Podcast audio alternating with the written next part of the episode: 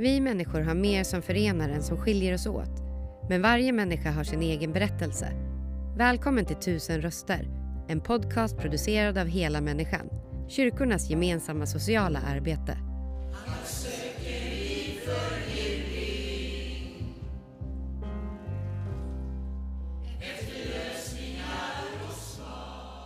Då är vi hos Hela Människans verksamhet här i Helsingborg och jag träffar Anders Persson som är 58 år. Och han eh, bor här i Helsingborg men uppvuxen i Lund. Hej! Hej, hur är läget med dig? Hej! Tack för att jag fick vara med här. Ja. Det känns spännande. Fantastiskt. Du har ju en diger lista på saker som du har jobbat med. Behandlingshem, du har jobbat i skolan, du har jobbat med människ- eh, människor som har intellektuella begränsningar och eh, Alfa Laval, värmeväxlare och sånt som du Jag har på med. jag berättade för dig innan att jag har gjort så otroligt mycket när jag var aktiv och när jag då fick eh, till exempel knäskada, invalid och ryggskada och eh, nu säger de att det är en stroke men jag vet inte riktigt Nej. vad som händer. Så jag kommer hit här idag för att jag får mycket hjälp av just RIA Hela Människan Helsingborg och andra verksamheter. Vad, vad hjälper de dig med? Just här på RIA Hela Människan så får jag då ett trevligt bemötande och trevlig personal som vi kan spela spel här, vi kan pyssla, måla och rita här också. Eh, Kläder, skor, mat, Mm. olika former av... Bara det att man blir sedd och lyssnad på en stund känns väldigt bra. Du har idag någon aktivitet via psykiatrin. Ja, det är ju Karpens aktivitetshus heter det nu för tiden. Vi bytte namn från Hantverkshuset. Det var så att man slog ihop sysselsättningen som var här nere i gatan. Och då provar de olika lösningar för att det är så stort behov av att hitta rutiner, hitta stöd, hitta hjälp. Och oftast de som kommer till detta är väldigt, vad ska man säga, de är väldigt kreativa kan man väl säga. Och du är ju väldigt kreativ. Du ska ju ställa ut här på H22, den här eh, konsthallen. Kallar Ja. man det det? Konsthall? Ja, de, eh, kommunen ordnar via H22 Domen och det är vid kärnan i centrum där man slår upp ett typ cirkustält, kupol- kupoltält som är då de kallar Domen. Och där ska de då ha en skaparverkstad som jag ska delta i vid vissa tillfällen sista veckan i juni och in i juli. Och sen hoppas jag ju på att få vara lite på Pixlapiren och visa att locka folk som kommer dit att det är så lätt att hitta en struktur om man bara vill. Och sitta och locka med någon akvarell jag gör eller Mm. Men du jobbar med lite olika tekniker. Eh, sån här spray jag tycker det är extremt häftigt att blanda tekniker för att se vad det gör i, i en målning eller keramik. Så att väldigt kort så, så kan jag ha olika tekniker. Så om du tänker dig att jag gör en ren akvarell eller en ren oljemålning. Men jag tycker det är spännande att ha olika tekniker i mitt, min konst. Mm. Som vi tar en keramikpjäs så har jag ett brustet hjärta som jag syr ihop med läder i själva, så jag delar hjärtat i keramiken och så trär jag i läder och sätter den på en trästubbe. För att förklara mig enkelt att det blir liksom någonting annat. Olika material och olika tekniker. Ja. Dels för att växa som människa och dels för att jag får lov att vara väldigt kreativ. Du har, befinner dig i en psykisk ohälsa och du sa här en ekonomisk katastrof också. Ja, Och, eh, som skapar stress och du har blivit vräkt bland Ja, annat. ja. Men nu har du ett ordnat boende. det var ju väldigt tufft i några år när jag... Jag har inga anhöriga idag mer än min pappa i USA då sen jag var 12. Eller han bor där sen jag var väldigt liten i alla fall. Så jag har liksom ingen nära anhörig. Och det här psykiska att ingen, man gick ju till sin mormor och morfar när de levde men nu har jag liksom ingen utan jag skapar ju ytliga relationer. Som du tänker dig att jag fyller i närmast anhörig så det är att det är två. Det är väldigt tragiskt. Men var det så när du växte upp också? Nej, då hade jag ju mamma och hennes föräldrar när de levde.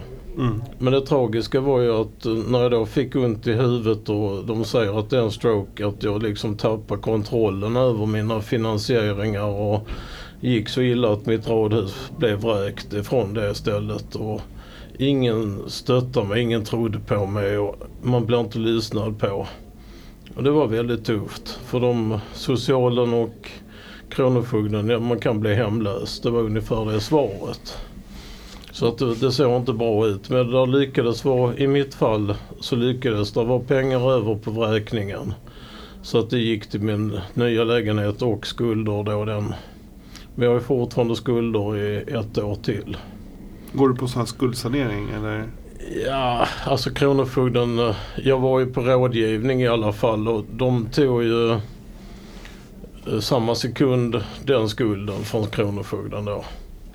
Så att jag är tacksam att jag har någonstans att bo idag. Mm. Så att det är inte alls samma liv men i Vallåkra där jag bodde där fanns ingen affär eller någonting om man tar bil så var man tvungen att ta sig med buss eller tåg. Så att det är mycket bättre för mig på det sättet. Mm. Så att, eh, men eh, det här skapar en hel del stress då förstår jag. Ja, du ser på mig och man blir otroligt pressad och stressad och det är då man mest behöver stöd. Då börjar jag ju gå hit här till Ria hela människan och hitta de här trevliga personalen som stöttar och pratar och kan, man kan få lite mat också. Jag såg Ja, att det delades ja. ut yoghurt här innan. de är väldigt eh, snälla mot oss som kommer hit. Man kan få mycket mer än så vid tillfällen när de får in mat själva. Det primära är att de kör sin verksamhet så att den fungerar men de ser om de får in ett parti eh, mat så kan vi bli utdelade som du just såg. Mm. Och det kan vara mycket mer än så också. Ja. Även skor och kläder och annat. De får in av vänliga människor som skänker hit. Hur länge har du besökt den här verksamheten i Helsingborg? Ja, jag har tänkt på det som du träffade mig. Eh, ja, eh, 2018 kanske. Ja. Jag vet inte exakt. Men hur fick du reda på den? Ja, det var ju automatiskt så att jag inte hade någonstans att gå. När jag, jag flyttade ju då från Vallåkra, eller till Vallåkra, så kände jag ingen. Så jag satt ju på knutpunkten och tänkte där kan ju inte, det är ingen meningsfullt. Och så hade jag en bekant som tipsade om då hantverkshuset innan det blev Karpens aktivitetshus. Så där kom jag dit 2018 första gången. Sen blev det ju pandemin som du vet och Mm. då var det inte öppet alls en, ett tag. När man fick mat i dörren? Typ, Ja. Eller fika? Ja. Men det var ju väldigt gentilt att man liksom kunde komma hit och få en, en bulle, någon egen någon, eh, kaffe med sig. Så det var ju en bra lösning. Mm. Men man, jag var ju redan i utanförskap så att jag behövde ju prata och då missade jag ju det tillfället att som jag blev här sedd och bemött och ver, verkligen trevligt stöt, stötta på olika sätt. Hur är liksom gemenskapen här? Den är, den är ju olika för här är ju också personer, besökare som har olika problem så att det är väldigt skiftande. Mm. Så att eh, oftast kommer jag bara överens med de flesta nu men det tog ju ett bra tag. Mm. Hur ofta kommer du hit till Hela Människans verksamhet? Mm, jag vill komma fem dagar i veckan. men om man inte... Där är den här lilla grejen att två andra verksamheter tar ingenting betalt alls när man har så dåliga möjligheter. Så många av oss väljer ibland att gå till de andra verksamheterna. Sen är det också att de här personerna, besökarna har olika mående så kan det vara olika stökigt på de här eh, om de till exempel drogar eller vad man nu vad de nu gör liksom. Också psykisk ohälsa. Så kan man välja ett annat ställe för att byta. Och det kan man göra bara för att det kan vara skönt att byta. Men, men det, det känns lite som att du behöver lite lugn och ro också. i- Jag blir ju väldigt stressad idag. Ja. Jag har haft panikångest ur allt detta som har hänt mig. Så att jag går ju ofta till själva kyrkan och också Gustav Adolfskyrkan här, GA-kyrkan. Och, ja, för att få det här lugnet? Få det här liksom. lugnet ja. Och det kan man ju få här att man sätter sig vid ett bord där det kanske inte är någon annan besökare. Så möjligheten finns ju här också. De har ju lite sådana här filmkvällar och sånt också. Ja, Hänger de, de är på ibland. Ja. Och det är väldigt trevligt. Då har jag hittat en besökare som jag har kommit lite närmare som vi gör vissa saker tillsammans efter också. Så jag är inte så ensam hela tiden. Det är bara att tilliten är ju totalt bortblåst. Att man eh, sen 2016 kan man säga så att jag har inte haft ett besök i min eget bostad eller lägenhet. Man vågar inte bjuda hem. Det är svårt att redogöra hur mycket som har hänt men det är väldigt mycket. Mm. Jag tänker att eh, det har hänt en hel del och du har fått mycket hjälp här på Hela ja. Människans verksamhet. Ja. Men, eh, och du har lite aktivitet och sånt. Men under uppväxten och så, var det, fanns det problematik och sånt som, eh, som samhället såg men inte gjorde någonting åt? Eller hur ser det ut där? Jag är född 64 och 1964 så var det ofint att vara skild eller har problem i familjen. Då skulle kärnfamiljen fungera i Sverige. Så jag bodde på en fin gata där det var professorer och elitmilitärer och olika så här samhällsklasser 1 liksom eller högt rankade. Min mamma låg i skilsmässa. Hade inte ork eller kunde lära mig något innan jag kom till skolan så jag var den enda som inte kunde läsa, räkna, skriva. Så det var hjälpklass. Och den läraren liksom trodde att för att vi flyttade så var det hennes man som också var skilsmässa som ägde det radhuset så trodde hon ju att min mamma strulade med henne. Så, så det var cirkus redan då. Och jag fick ingen hjälp tack vare denna människan till exempel. Då hade man ju en lärare på den tiden. Så det var egentligen inte förrän jag kom till sjunde klass. Och då fick jag många adjunkter, alltså den högre lärarklassen som vill och kan och ska. Och så att jag kom in på universitetet faktiskt. Så att lyfte rejält. Mm. Och det var Tunaskolan i Lund. Varav den ena chefen då hade mig där på den skolan i nio månader. Ja, jag blev lite rörd för att man var inte van vid att få hjälp heller. För att samhället var ju så att det ska du klara själv. Min mamma eh, dog 15 och sa liksom du kan, du vill, du ska. För det var ju den gamla tänket. Så att, eh, det var tufft. Ja. Och pappa han flyttade tidigt till USA då?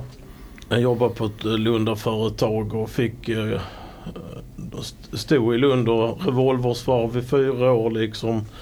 Sen kom plasten då med sjukhusen så att de har gjort mycket framsteg och största fabri första fabriken var i Tyskland och sen då i USA. Och tanken var ju då att chefen hade tuberkulos. Så han ville bo i Arizona då för hälsan. Men han valde Sverige. Men min pappa jobbade där i, åt honom eller det företaget i 42 år någonstans. Ja. och valde att lämna mig tyvärr och min mamma då i sex års ålder någonstans. Mm. Men jag har fått lov att hälsa på honom 14 eh, gånger. Jag åkte 76 till 96 och är jättefundersam varför han inte vill träffas sedan 2004. Också tragiskt med, ja, han skyller på att det kostar pengar att åka till USA men jag har varit där 14 gånger så jag tror det är mer än så. Och man liksom inte, han har ju aldrig riktigt varit en pappa utan tagit uh, trevlig sommarsemester. Vi har kunnat åka i USA han har varit här när hans mamma levde till 95. Han avslutade med mig 96 så att då hade han inte den kontakten med sin mamma heller i Lund. Nej. Så att jag har haft det jobbigt men uh, det positiva att jag är som min mamma, att hon var också väldigt kreativ. Att jag gör min konst, jag ritar och jag målar och blandar tekniker och jag ser positivt på livet. Och jag tror ju att samhället kan göra mycket mer. Och då kommer ju automatiskt den här H22 Om vi Mm. kan gå in där och ta tag med H22. För att de vill ju förändra hur vi bor och hur vi lever och de har frågemöten på Prismahuset här i Helsingborg och uppe på Domen och på olika ställen kan man lämna in sina önskemål. Jättebra. Att man ser att det kanske inte måste vara det stödet som finns idag. Att en vilsen människa skulle mycket lättare kunna få ett möte med en präst, en diakon och en annan person i, i vår kommun. Att det skulle kunna finnas någonting med psykisk ohälsa. För drogerna kan du åka till ett behandlingshem. Du kan få hjälp med droger. Men psykisk ohälsa är mycket, mycket svårare. För Ja. man kan ju också bli introvert och dra sig undan. Jag har själv vikt persiennen i åtta månader och tyckt synd om mig själv och insåg att det var absolut ingen lösning. Nej. Det är bra att du kommer hit nu. Ja, Men jag tänker på det här, hur ser en riktigt bra dag ut för dig? ja det är som idag till exempel var jag uppe vid ja, sextiden i morse och duschar och ser fram emot att komma hit här till Ria och äta min gröt och nu har jag fått spela Yatzy då när du kom. Vann du? Nej, det gick riktigt illa. så att, men eh, det, var ju, det är ju också sånt att de frågar om man vill vara med om man sitter lite passivt och det vill jag ju direkt. Mm. Och så såg jag att du kom med någon väska så jag undrar ju liksom vem du var också för jag hade ju inte pratat med dig för nu. Nej. Så en bra dag är ju att eh, öka att jag kan ha råd att börja träna för att när man är så begränsad med pengar för kost och motion med psykisk ohälsa så är träningen befriande. Och att ha så lite pengar i sin pension att inte det går. De samhällsgrejerna behöver ses över. Mm. Man kan visst få träning en gång i veckan, en måndag till exempel på WeMind. Men då måste man tillhöra dem och passa in i den gruppen och vilja göra det en måndag så det blir mer styrt. Så samhället behöver ju bli lättare på att eh, vi mår bättre Ja. med till exempel träning. Och du har ju någon diabetes också. Ja, så jag har ju diabetes så jag måste ju jag behöver verkligen både gå ner i vikt och träna för att hitta jag har gått en diabetesskola och lång, lång historia kort så ska man ju äta sju, åtta gånger om dagen med två timmars paus och göra en promenad, röra på sig så att man hittar sockerbalansen. Du vet sån här kurva i att man liksom håller det så jämnt som möjligt. Mm. Men, men eh, jag förstår pengarna räcker inte till och det är svårt också att kanske hitta hälsosam mat till bra pris och så. Det blir ju automatiskt följdfrågan att den bättre maten med sock- mindre socker eller inget tillsatt socker de är gärna 5, 7, 10 kronor dyrare. Så att det är automatiskt att man inte har råd med det man egentligen hade behövt. Så det är, idag är pengar tyvärr lösningen på mycket. Ja. Vad tänker du om, eh, säg fem år framåt? Var, var befinner du dig då? Ja, jag har faktiskt kommit in på en konstutbildning. Jag är 58 år så att det är väl lite tveksamt kanske men jag blir jättesmickrad. Det är Barcelona jag har kommit in i via CSN då. Så just nu är det tummen upp men det är också att där behöver jag mycket mer pengar. Eh, via CSN kan man visst klara sig hyfsat men jag har gått på CSN och jag vet att inte det räcker om man bara har den inkomsten. Och Barcelona är en dyr stad också. Ja, precis. Men eh, om bara om ett år är jag skuldfri så jag kanske kan gå på en folkhögskola. Jag tänker positivt att det kanske är jag är 58 år så kanske gå en folkhögskola istället. ja. Alltså logiskt. Men hade jag haft pengar så hade jag varit i Barcelona nu. Ja. Fantastiskt. Nej, kan men kan du spanska? Hola, como está? Nej, lite grann. Lite, Lite grann. grann. Ehm, jag tänker på, du har ju själv varit ung. Mm. Ehm, och eh, det kommer en del unga personer hit också. Ja. Eller så. Vad, vad tänker du, vad är skillnaden från när du var ung på 60-talet och växa upp idag som ung tonåring? ung vuxen? Runt mig när jag växte upp så var det ju mycket lättare med själva alkoholen att få tillgång till via föräldrar och annat. Sen ökar ju blandmissbruket successivt. Och de här, jag tycker det är så tragiskt. Jag försöker prata med alla som vill lyssna en stund. Jag kan sitta med en fond. Jag har inte alls pratat om fonder men jag hämtar fonder. Och så sitter jag med någon kille. Ibland funkar det, ibland inte. De har livet på sin ficka. Men det är en, två personer som har tackat mig att de har fått ut betalt. Och det gör jag för min egen del också. Att jag söker fonder. Så du hjälper dem att söka fonder? och... Om de vill sitta med mig en stund så hjälper jag dem. Mm. De som vill. Mm. Och det är vissa som har tillit och vissa drar iväg med sitt missbruk och är inte redo. Så skillnaden från när jag var ung det är att de här ungdomarna med närheten till Danmark och blandmissbruket gör att det är mycket svårare att dels nå dem för att det är en helt annan tragedi inne i kropp och skalle med blandmissbruken. Hur jag upplevde en alkoholist eller alkohol för då var du hyfsat nykter dagen därpå förhoppningsvis om man inte har druckit alldeles för mycket. Va? Är det mycket droger i samhället här, känner du? Här är jättemycket droger. Det är närheten till Danmark.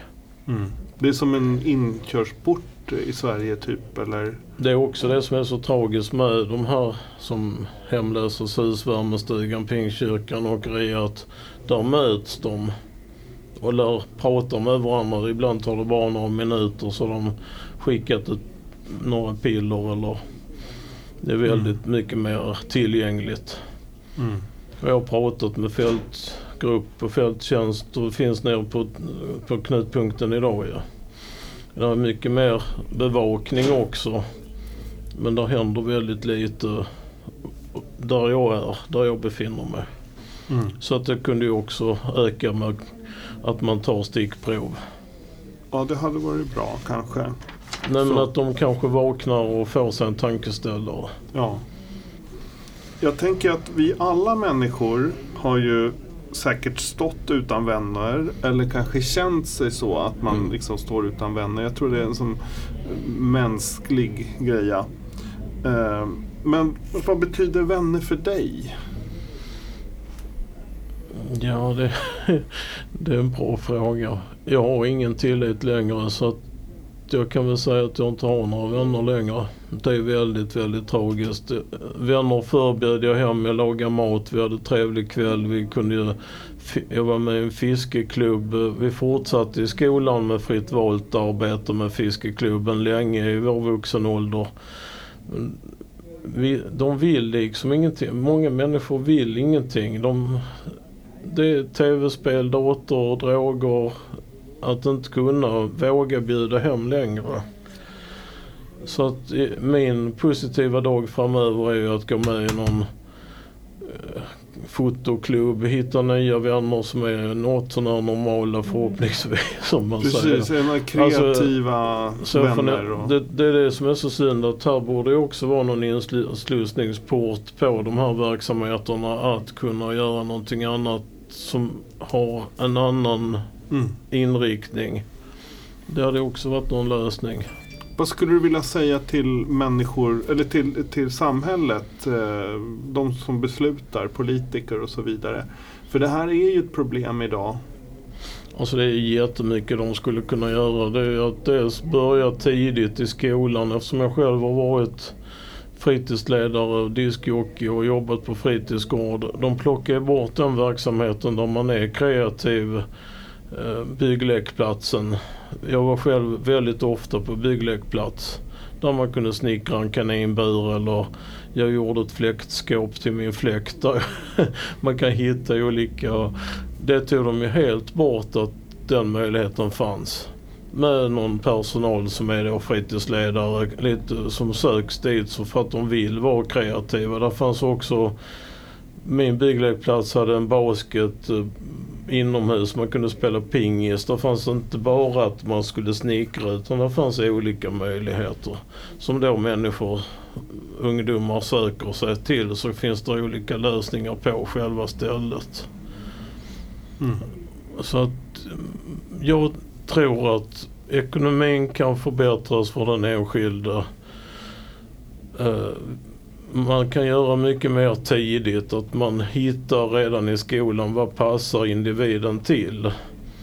Jag har varit i USA en del och där blir de liksom väldigt snabbt inkluderar körkortet i skolan. De inkluderar liksom, passar du till att vara baseballspelare eller du passar i brottning eller vad som helst. Vi tar enkla exempel, sjuksköterska. Så kan du skolas in i det tidigt och få det stödet tidigt.